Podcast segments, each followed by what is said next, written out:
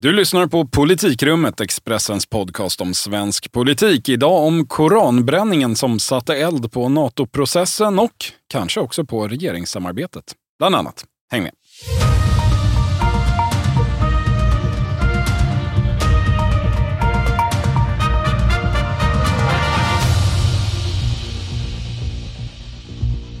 Det är torsdag den 26 januari och politikrummet är till sist tillbaka. Två dagar för sent, men bättre sent än aldrig som det heter. Jag heter i alla fall Viktor Bartkron och du heter som vanligt Thomas Nordenskjöld. Ja, det stämmer. Vi får beklaga förseningen. Det kom några virus i vägen.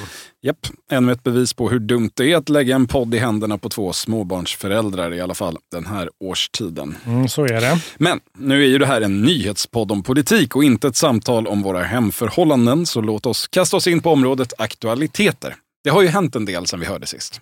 Ja, det kan man lugnt säga. Och det som verkligen dominerat är förstås Sveriges anslutningsprocess till Nato. Vi pratade ju i förra veckan om att det inte såg, såg helt lyckat ut. Det var rätt kärvt och efter den senaste tidens händelser så ser det ju inte direkt ljusare ut. Nej, det gör ju inte det. I, eh, I förra veckan eh, när vi sammanträdde då, då handlade det om att eh, prokurdiska aktivister hade hängt upp en docka föreställande Turkiets president Erdogan vid Stockholms stadshus. Turkiet hade blivit arga, regeringen tog kraftigt avstånd, den svenska regeringen alltså. De tog avstånd och hoppades med det kunna lugna ner situationen. Men det blev inte riktigt så. Istället så kom den danske provokatören Rasmus Paludan in från höger och eldade upp en koran utanför Turkiets ambassad i Stockholm i lördags. Ja, den provokationen gick inte obemärkt förbi. Nej, inte direkt. Eh, det blev eh, snabbt en världsnyhet och sedan dess har det hållits eh, stora demonstrationer mot Sverige. Framförallt i Turkiet men också i länder som Afghanistan och Pakistan. Regeringar har protesterat, det cirkulerar uppmaningar om att bojkotta Sverige och svenska produkter och den turkiska ledningen av mest kortsiktigt intresse då, har uttalat att man inte tänker stödja någon NATO-ansökan från Sverige efter detta. Ungefär. Just, ja, just så. Och allt det här fick ju då den svenska regeringen att kalla till en presskonferens i tisdags kväll, tror jag det var, mm. med statsministern, och utrikesministern och försvarsministern. Eh, men det enda budskapet där var väl egentligen att det säkerhetspolitiska läget är utomordentligt allvarligt och att det är viktigt att Sverige kommer med i Nato och att alla har ett ansvar att ta det lugnt. Typ. Ja, det var väl ungefär det som var budskapet och vi får väl se om det fungerar bättre den här gången. Tidigare har det ju snarast verkat trigga folk att komma med nya påhitt när regeringen har försökt att påtala vikten av att eh, inte hitta på nya saker. Men det, det, är en sak vad, vad, man säger utåt på, på en presskonferens i ett sånt här läge. Det finns ju en publik i Sverige, mm. det finns i omvärlden. Eh, det kalibreras väl budskap som ska passa väldigt många olika typer av öron. Men vad säger man då bortom mikrofonerna kan man ju vara lite nyfiken på och det brukar du veta. Ja, men alltså det är ju tydligt att regeringen är rätt skärrade av den här situationen tycker jag. Alltså det regeringskällor jag pratar med och har gjort de senaste dagarna har verkligen understrukit allvaret i situationen. Eh, och den nu rätt liksom, liksom, det är klart att den nu rätt djupfrysta relationen till Turkiet och Erdogan och allt vad det innebär för NATO-processen är ju liksom såklart viktigt och kanske viktigaste här. Men det är ju tydligt också att oron inte bara handlar om NATO. Alltså man är i regeringskansliet mycket oroliga för en situation som påminner om den som Danmark hamnade i efter Mohammed-karikatyrerna där 2005. Just det, det är länge sedan nu, men eh, det ledde alltså till bojkotter av danska företag och till då förlorade mångmiljardbelopp i förlängningen och arbetstillfällen och eh, mm. allt möjligt negativt. Och här finns ju också en intressant och kanske ändå inte helt obetydlig parallell eh, mellan Danmark då och Sverige av idag. Alltså när Mohammed-karikatyrkrisen seglade upp så styrdes Danmark av en borgerlig regering eh, under Anders Fogh Rasmussen som hade ett samarbete med Sverigedemokraternas systerparti Dansk Folkeparti. Just det. Eh, och som på sätt och vis blev delaktiga i detta? Ja, alltså till en början där i Danmark, alltså i krisens inledande fas, så fanns det ju de i Danmark ute till höger som tyckte att det både var kul och bra med den här striden med den eh, liksom muslimska världen och som gärna hällde bensin på brasan snarare än att försöka, försöka släcka den. Men liksom som personer i den svenska regeringen nu påminner om, efter ja, typ tio dagar eller två veckor så var det inte någon i Danmark där som tyckte det var så kul längre. Och, och den danska regeringen gjorde sedan allt och gick mycket långt för att ta sig ur den där situationen. Ja, Ulf Kristersson var ju också snabbt ute den här gången ska vi säga och markerade väldigt bestämt avstånd från eh, koranbränningen och beskriver den som då djupt respektlös. Eh, betonar att det är tillåtet att göra även eh, otrevliga saker, men det är väldigt tydligt att man vill eh, göra allt för att kyla ner stämningen. Mm. Eh, det har väl än så länge inte fått avsedd effekt, varken utomlands eller eh, på hemmaplan i Sverige. Mm, Muslimska ledare uttrycker att Sverige gömmer sig bakom yttrandefriheten, hur man nu gör det. Och här hemma så blev Jimmy Åkesson då istället jättearg på vad han och Sverigedemokraterna såg som undfallenhet mot islamism, vilket de också gärna berättade offentligt. Och vips hade vi både en diplomatisk kris och ett bråk i regeringsunderlaget. Ja, men verkligen. Och här, alltså här sitter ju regeringen såklart på en massa information som inte alltid når allmänheten och heller inte ett samarbetsparti som SD. Eh, eh, men alltså, det visar nog också det här, tror jag, att SD som samarbetsparti liksom inne i regeringskansliet får en svår och något problematisk roll som någon form av liksom nästan regeringsparti. Mm. Eh, och här säger ju nu moderater jag pratar med i regeringskansliet att informationen liksom till SD brustit. Att man, alltså man tar delvis på sig det här och, och att, man liksom, att man skulle fått Sverigedemokraterna och Jimmy Åkesson att liksom förstå allvaret, vad som höll på att ske.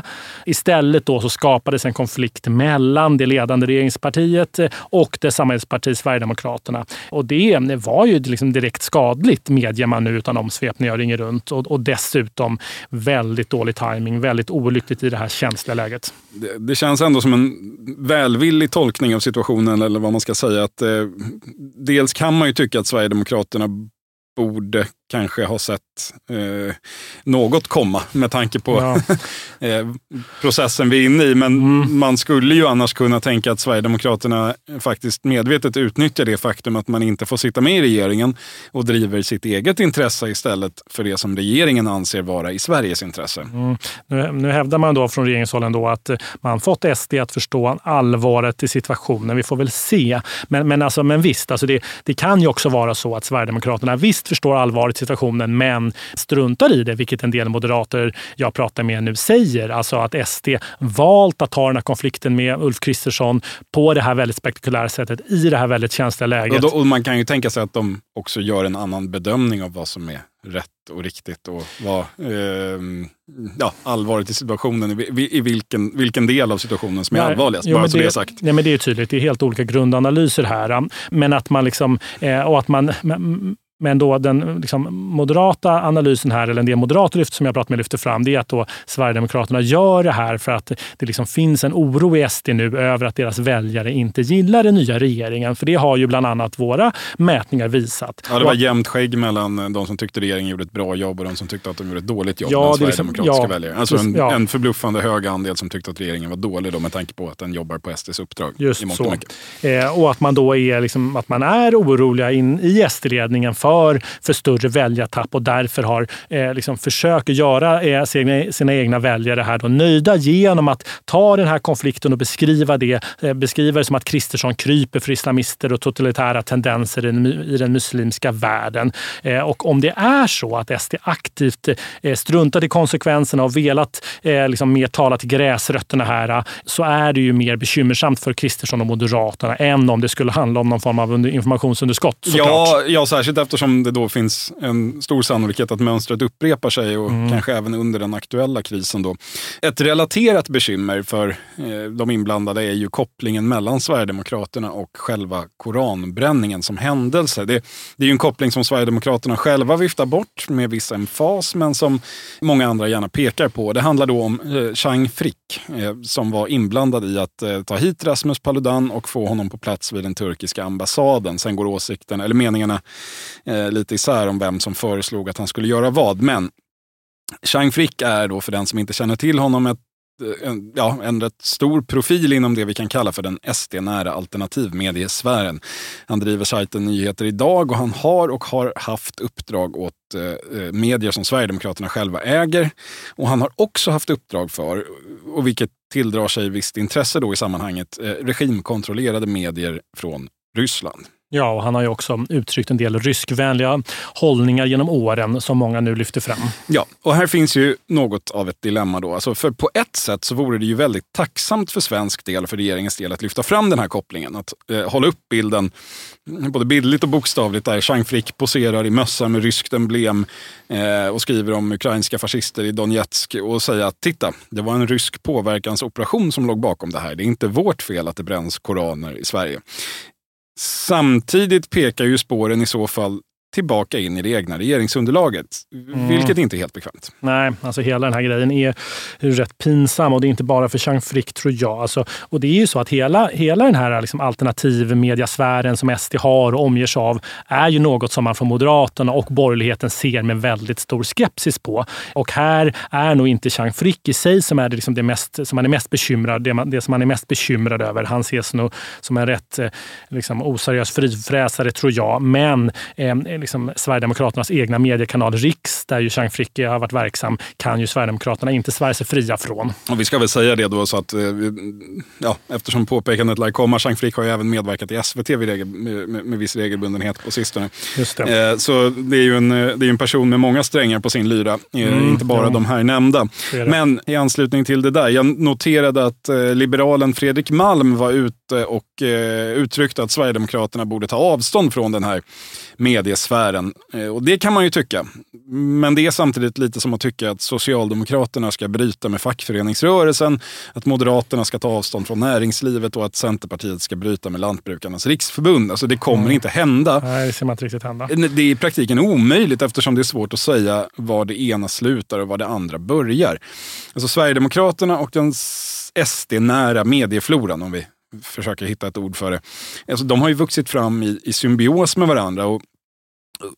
och det är ju förvisso ett problem i det här sammanhanget. Eftersom det är lika svårt att dra gränsen mellan den del av alternativmedian som inte lutar åt Ryssland och den del som faktiskt gör det. Och ofta gör det då inom ramen för något slags allmän internationellt foliehattsnarrativ. Eh, vi har ju för, tidigare sverigedemokratiska företrädare på hög nivå som har varit valobservatörer mm. och eh, gästat eh, ryska arrangemang på Krim och liknande. Erik Almqvist eh, som lämnade efter järnrörsskandalen. Mm. Han driver ju en, en del av de här eh, publikationerna. Så det finns ju besvärande inslag. Ja. Helt klart så.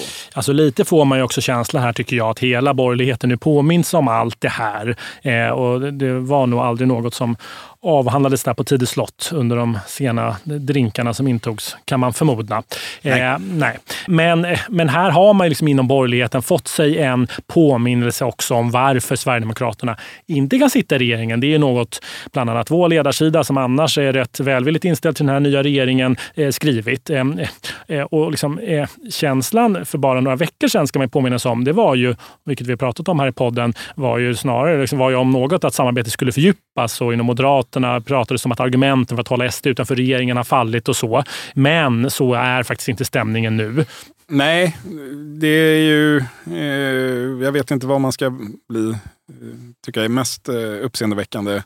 Eh, men jag tror att det är det faktum att man hade, hade lyckats bortse från det här så länge. Men det ska bli intressant att se om den här situationen får några mer långtgående konsekvenser för samarbetet. Just för att man kan ju som sagt misstänka att det här är inte det sista sista gången som, som något liknande utspelar sig.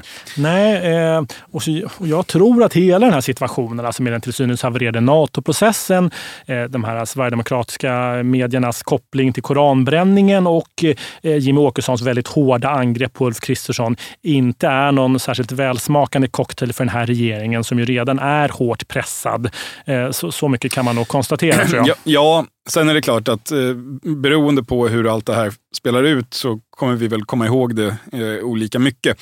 Skulle det vara så att eh, NATO-processen faktiskt havererar fullständigt, att eh, eh, ja, ytterst att Finland meddelar i sommar att de trots allt väljer att gå vidare utan Sverige eftersom eh, Turkiet eh, ja, helt enkelt blockerar oss, ja, ja, då kommer det här, eh, minnet av det här bli väldigt bestående och väldigt negativt eh, för Ulf Kristersson och regeringen naturligtvis, men ja, för, för ett betydligt bredare Sverige än så kan man väl säga.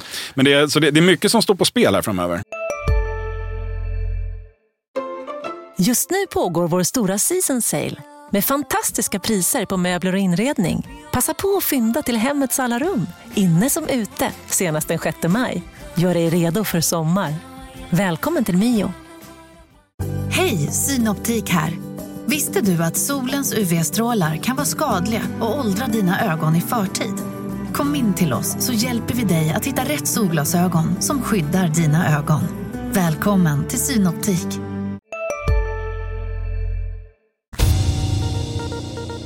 Det är ju val även i Finland här i vår, april tror jag. Eh, det talas lite om det från regeringshåll. Vi får se om det kan innebära någonting. Man hör ju lite, tycker jag, man kan se vissa tecken på, den här, på en ångest inom Moderaterna. Liksom, tänk om eh, den här, eh, vi inte lyckas ro den här NATO-processen i, i hamn. Alltså, och något som hela tiden finns där och spökar för Ulf Kristersson och, och, och liksom regeringen och Moderaterna är ju också Magdalena Andersson. Alltså, med liksom hon med sina liksom skyhöga förtroendesiffror eh, och liksom hennes blotta närvaro utgör ett slags hot mot den här regeringen. Eh, hon har varit med i Aktuellt här flera kvällar på raken och pratat om sina internationella kontakter och vad man som regering borde göra i det här läget. Och det var som eh, någon moderat jag pratade med sa att eh, tyvärr så gör hon det bra och framstår som förtroendegivande. Ja, det är onekligen så, eller det uppfattas i alla fall så. Alla mätningar indikerar ju det. samtidigt är det lite fascinerande att hon, att hon har den auktoriteten auktoriteten i de här frågorna med tanke på Magdalena Anderssons egen resa i säkerhetspolitiken som ju har varit allt annat än rak. Det, det är ju inte ens ett år sedan som hon slog fast att en svensk NATO-ansökan skulle destabilisera vår del av Europa. Just det, på min fråga. Ja, du är alltid där det händer.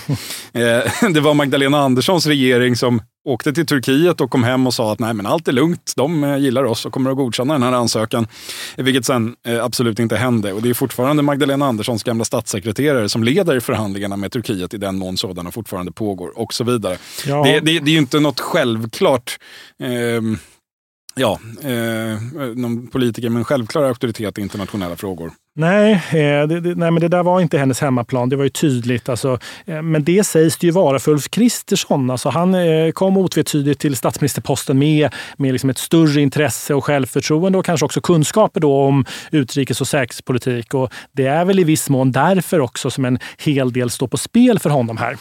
Ja, men skulle de inte göra det här tillsammans? Var det inte det som var hela Eh, poängen med alltihop. De stod där på en presskonferens tillsammans eh, i ja. maj förra året och eh, skulle allt skulle läggas åt sidan. Mm. Och det här skulle man gå hand i hand oavsett vem som regerade. Det, det, är inte riktigt känslan just nu. Nej, för här har även Magdalena Andersson eh, varit ute och varit kritisk, direkt kritisk mot Ulf Kristersson. Alltså inte lite mer inledande än Jimmy Åkesson, men ändå. Alltså, I en intervju med Svenska Dagbladet så tog hon ganska bestämt eh, avstånd från Kristerssons liksom, kraftfulla fördömande av den här Erdogan-dockan och beskrev de där uttalandena som olyckliga och att det kunde uppmuntra till nya aktioner. Eh, alltså här ska man ju eh, säga att Morgan Johansson också eh, fördömt den där dockan, men det råkade Magdalena, Magdalena Andersson glömma bort tror jag. Selektiv minnesförlust. Ja, nej, men och i, det, det är tydligt alltså i regeringskansliet så var upprördheten stor efter de där kommentarerna från Magdalena Andersson. Man tyckte att hon gått för långt med tanke på att hon och Kristersson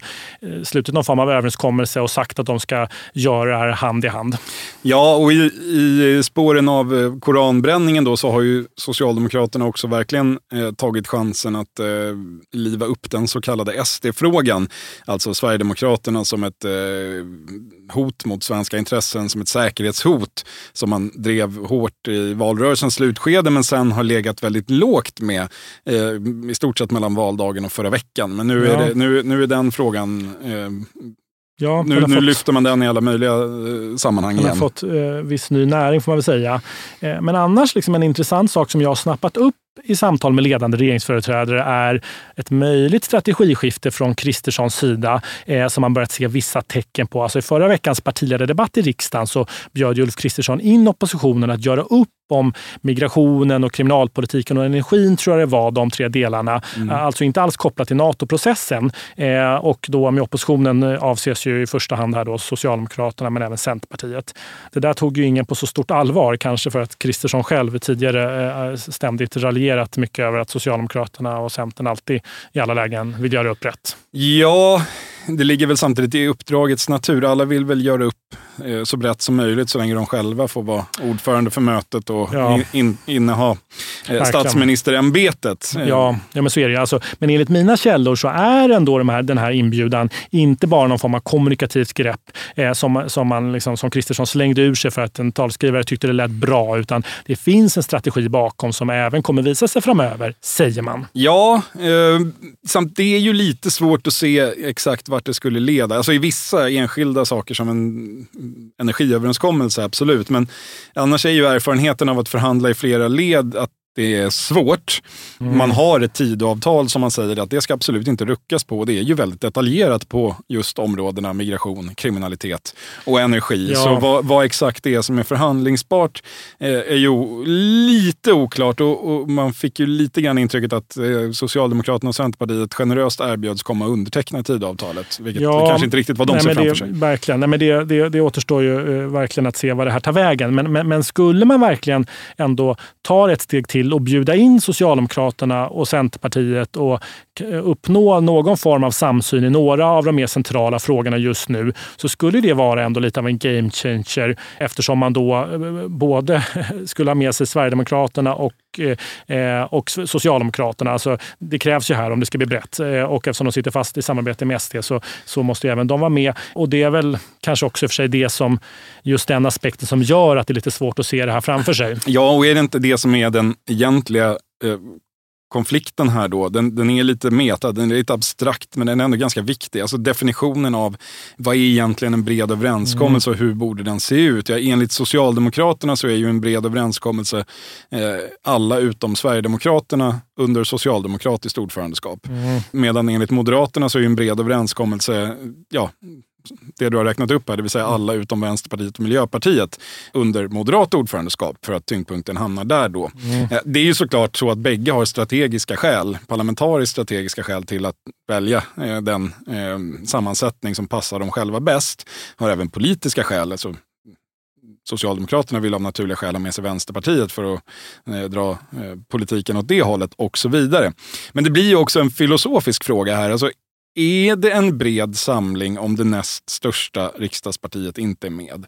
Kan man ens prata om en samlingsregering om man nu skulle dra det extra, så långt man kan?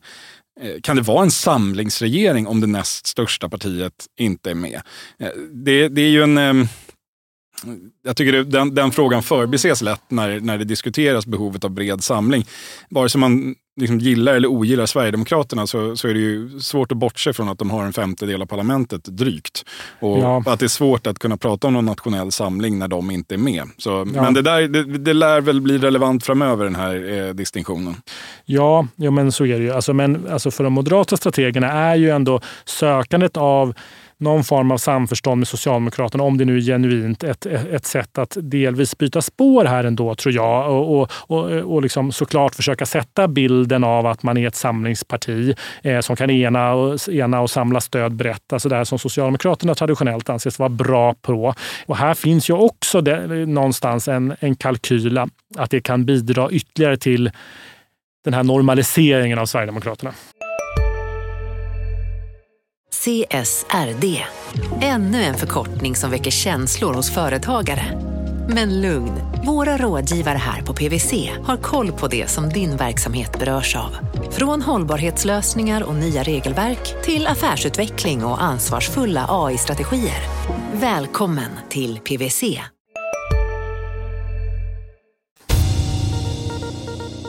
Kriget i Ukraina och eh, NATO-processens många turer har förstås dominerat nyhetsagendan den gångna veckan. Men det finns faktiskt ett lite oväntat ämne som har konkurrerat. I Sverige alltså. Som exploderade kort efter vår förra podd och som vi naturligtvis också måste avhandla. Ja, du tänker på den ålfiskande statssekreteraren här misstänker jag, som fortfarande trendar på Twitter så här mer än en vecka efter avslöjandet. Just precis. PM Nilsson som blev ertappad när han fiskade utrotningshotad ål i Blekinge skärgård sommaren 2021. Eh, som först ljög för Havs och vattenmyndigheten om att det inte alls var hans ålryssjor och som sen upprepade den lögnen för polisen så sent som i julas innan han ångrade sig, ringde tillbaka till polisen, erkände och tog ett strafföreläggande på 40 000 kronor. Ja, en något oväntad men desto mer rubrikvänlig skandal får man säga. Ja, och vi ska väl ha viss transparens här eftersom eh, det säkert är några som undrar. Så vår vår kollega Helena Gissén är ju gift med PM Nilsson och det var också därför som hon lämnade den här podden och vår politikredaktion i samband med att han tog steget från journalistik och in i politiken. Och det var ju förutseende då kan man konstatera, för det är just den här typen av situationer som kan uppstå. Ja, och jag har dessutom jobbat eh, på samma tidning som PM i massa år, Dagens Industri, där han var politisk redaktör fram till i höstas. Ja, nu är han i vilket fall i den politiska världen och där ser han ut att bli kvar trots det som har hänt.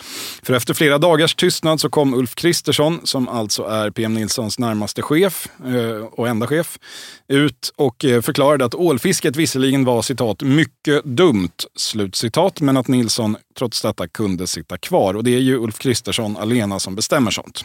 Ja, eh, Kristersson valde här då att inte lyssna på oppositionen. Både Ardalan Shekarabi och Magdalena Andersson hade ju gått ut och krävt PM Nilssons avgång, att han skulle få sparken. Det har också KU anmält Kristersson för hanteringen av eh, hela den här anställningen. Japp, och det här kan ju tyckas vara en liksom, separat bagatell i det stora hela, men jag tror ändå att det finns en del växlar att dra på det här förfarandet. Alltså hade det varit 10, 15, 20 år sedan så tror jag att PM Nilsson hade fått gå. Som ministrarna Maria Borelius och Cecilia Stegö under eh, Reinfeldts första dagar och eh, som motsvarande statssekreteraren Ulrika Schenström eh, något år in i den förra borgerliga regeringen. Mm. Ja, men det, är liksom, det har ju varit rätt ängsligt länge. Alltså Stefan Löfven lät ju Aida Hadzialic gå för att hon druckit eh, två glas vin var väl i Danmark och sedan eh, körde över Öresundsbron och in i Sverige med något för hög promillehalt. Mm. Och, eh, och Jan Larsson, eh, den nästan legendariska S-strategen som väl i viss mån vann valet åt Stefan Löfven där 2014. Han eh, skulle bli minister, var utlovad lovad det, men eh, fick ju inte bli det för att han hade asfalterat sin uppfart svart och trots att han erkände allt det där så, så ja, så fick han inte det. Och, och där och då så ansågs ju den här liksom ängsligheten ha gått för långt enligt, enligt flera. Eh, det sågs som ett tecken på svagt ledarskap från Löfven i, i det där fallet. Då. Eh, och, och, det var väl Göran Perssons devis att eh, låt inte media sparka någon. Det gör jag själv när allt lagt sig och det känns som att eh, eh läget är det rätta. Ja. Det viktiga är att jag bestämmer. Ja, precis. Det, det var det helt centrala då. Jag tror att man har tittat på det här och andra exempel och dragit slutsatser också från borgerligt håll. Alltså av politeringen under Reinfeldt ledde ju inte till att skandalerna glömdes bort och kunde sopas undan. Snarare så ristades de ju i sten och vi pratar fortfarande om dem. Och det finns också en stark uppfattning i borgerliga kretsar som inte minst pikant nog har drivits av PM Nilsson själv i rollen som opinionsbildare. Att man från borgerligt håll måste tuffa till sig och inte vara så undfallande gentemot och framförallt socialdemokratin. Och på det sättet så tror jag att eh, just Socialdemokraternas höga tonläge i ålfrågan eh, har talat till PM Nilssons fördel. Mm, så kan det vara. Ja, att inleda tiden vid makten med att sparka en profilrekrytering efter krav från Ardalan Shekarabi, det ville Ulf Kristersson verkligen inte göra. Nej, vi får väl se eh, om det dyker upp något mer i den här historien. Men gör inte det så lär han sitta kvar, alltså nu när statsministern lagt hela sin auktoritet bakom det. Ja, vi får väl se i nästa vecka hur det blir med den saken och då får vi också se vem som väljs till partiledare i Centerpartiet på torsdagens extrastämma. Kanske inte lika spännande dock. Nej, Muharrem Demirok är fortfarande den enda kandidaten och uppmärksamheten kring hans eh, misshandelsdomar har väl lagt sig lite nu. Ja, det är hård konkurrens i nyhetsflödet. Är det inte krig så är det eh, Nato eller ål. Det går nog som planerat det där och det får vara stalltipset. Men vi hörs innan dess. Nästa vecka hoppas vi vara tillbaka på vår ordinarie tisdagstid. Tack för idag Thomas. Tackar. Och tack till er som hade tålamod nog att vänta på oss hela vägen till torsdag den här veckan. Hörs igen den sista januari. Hej!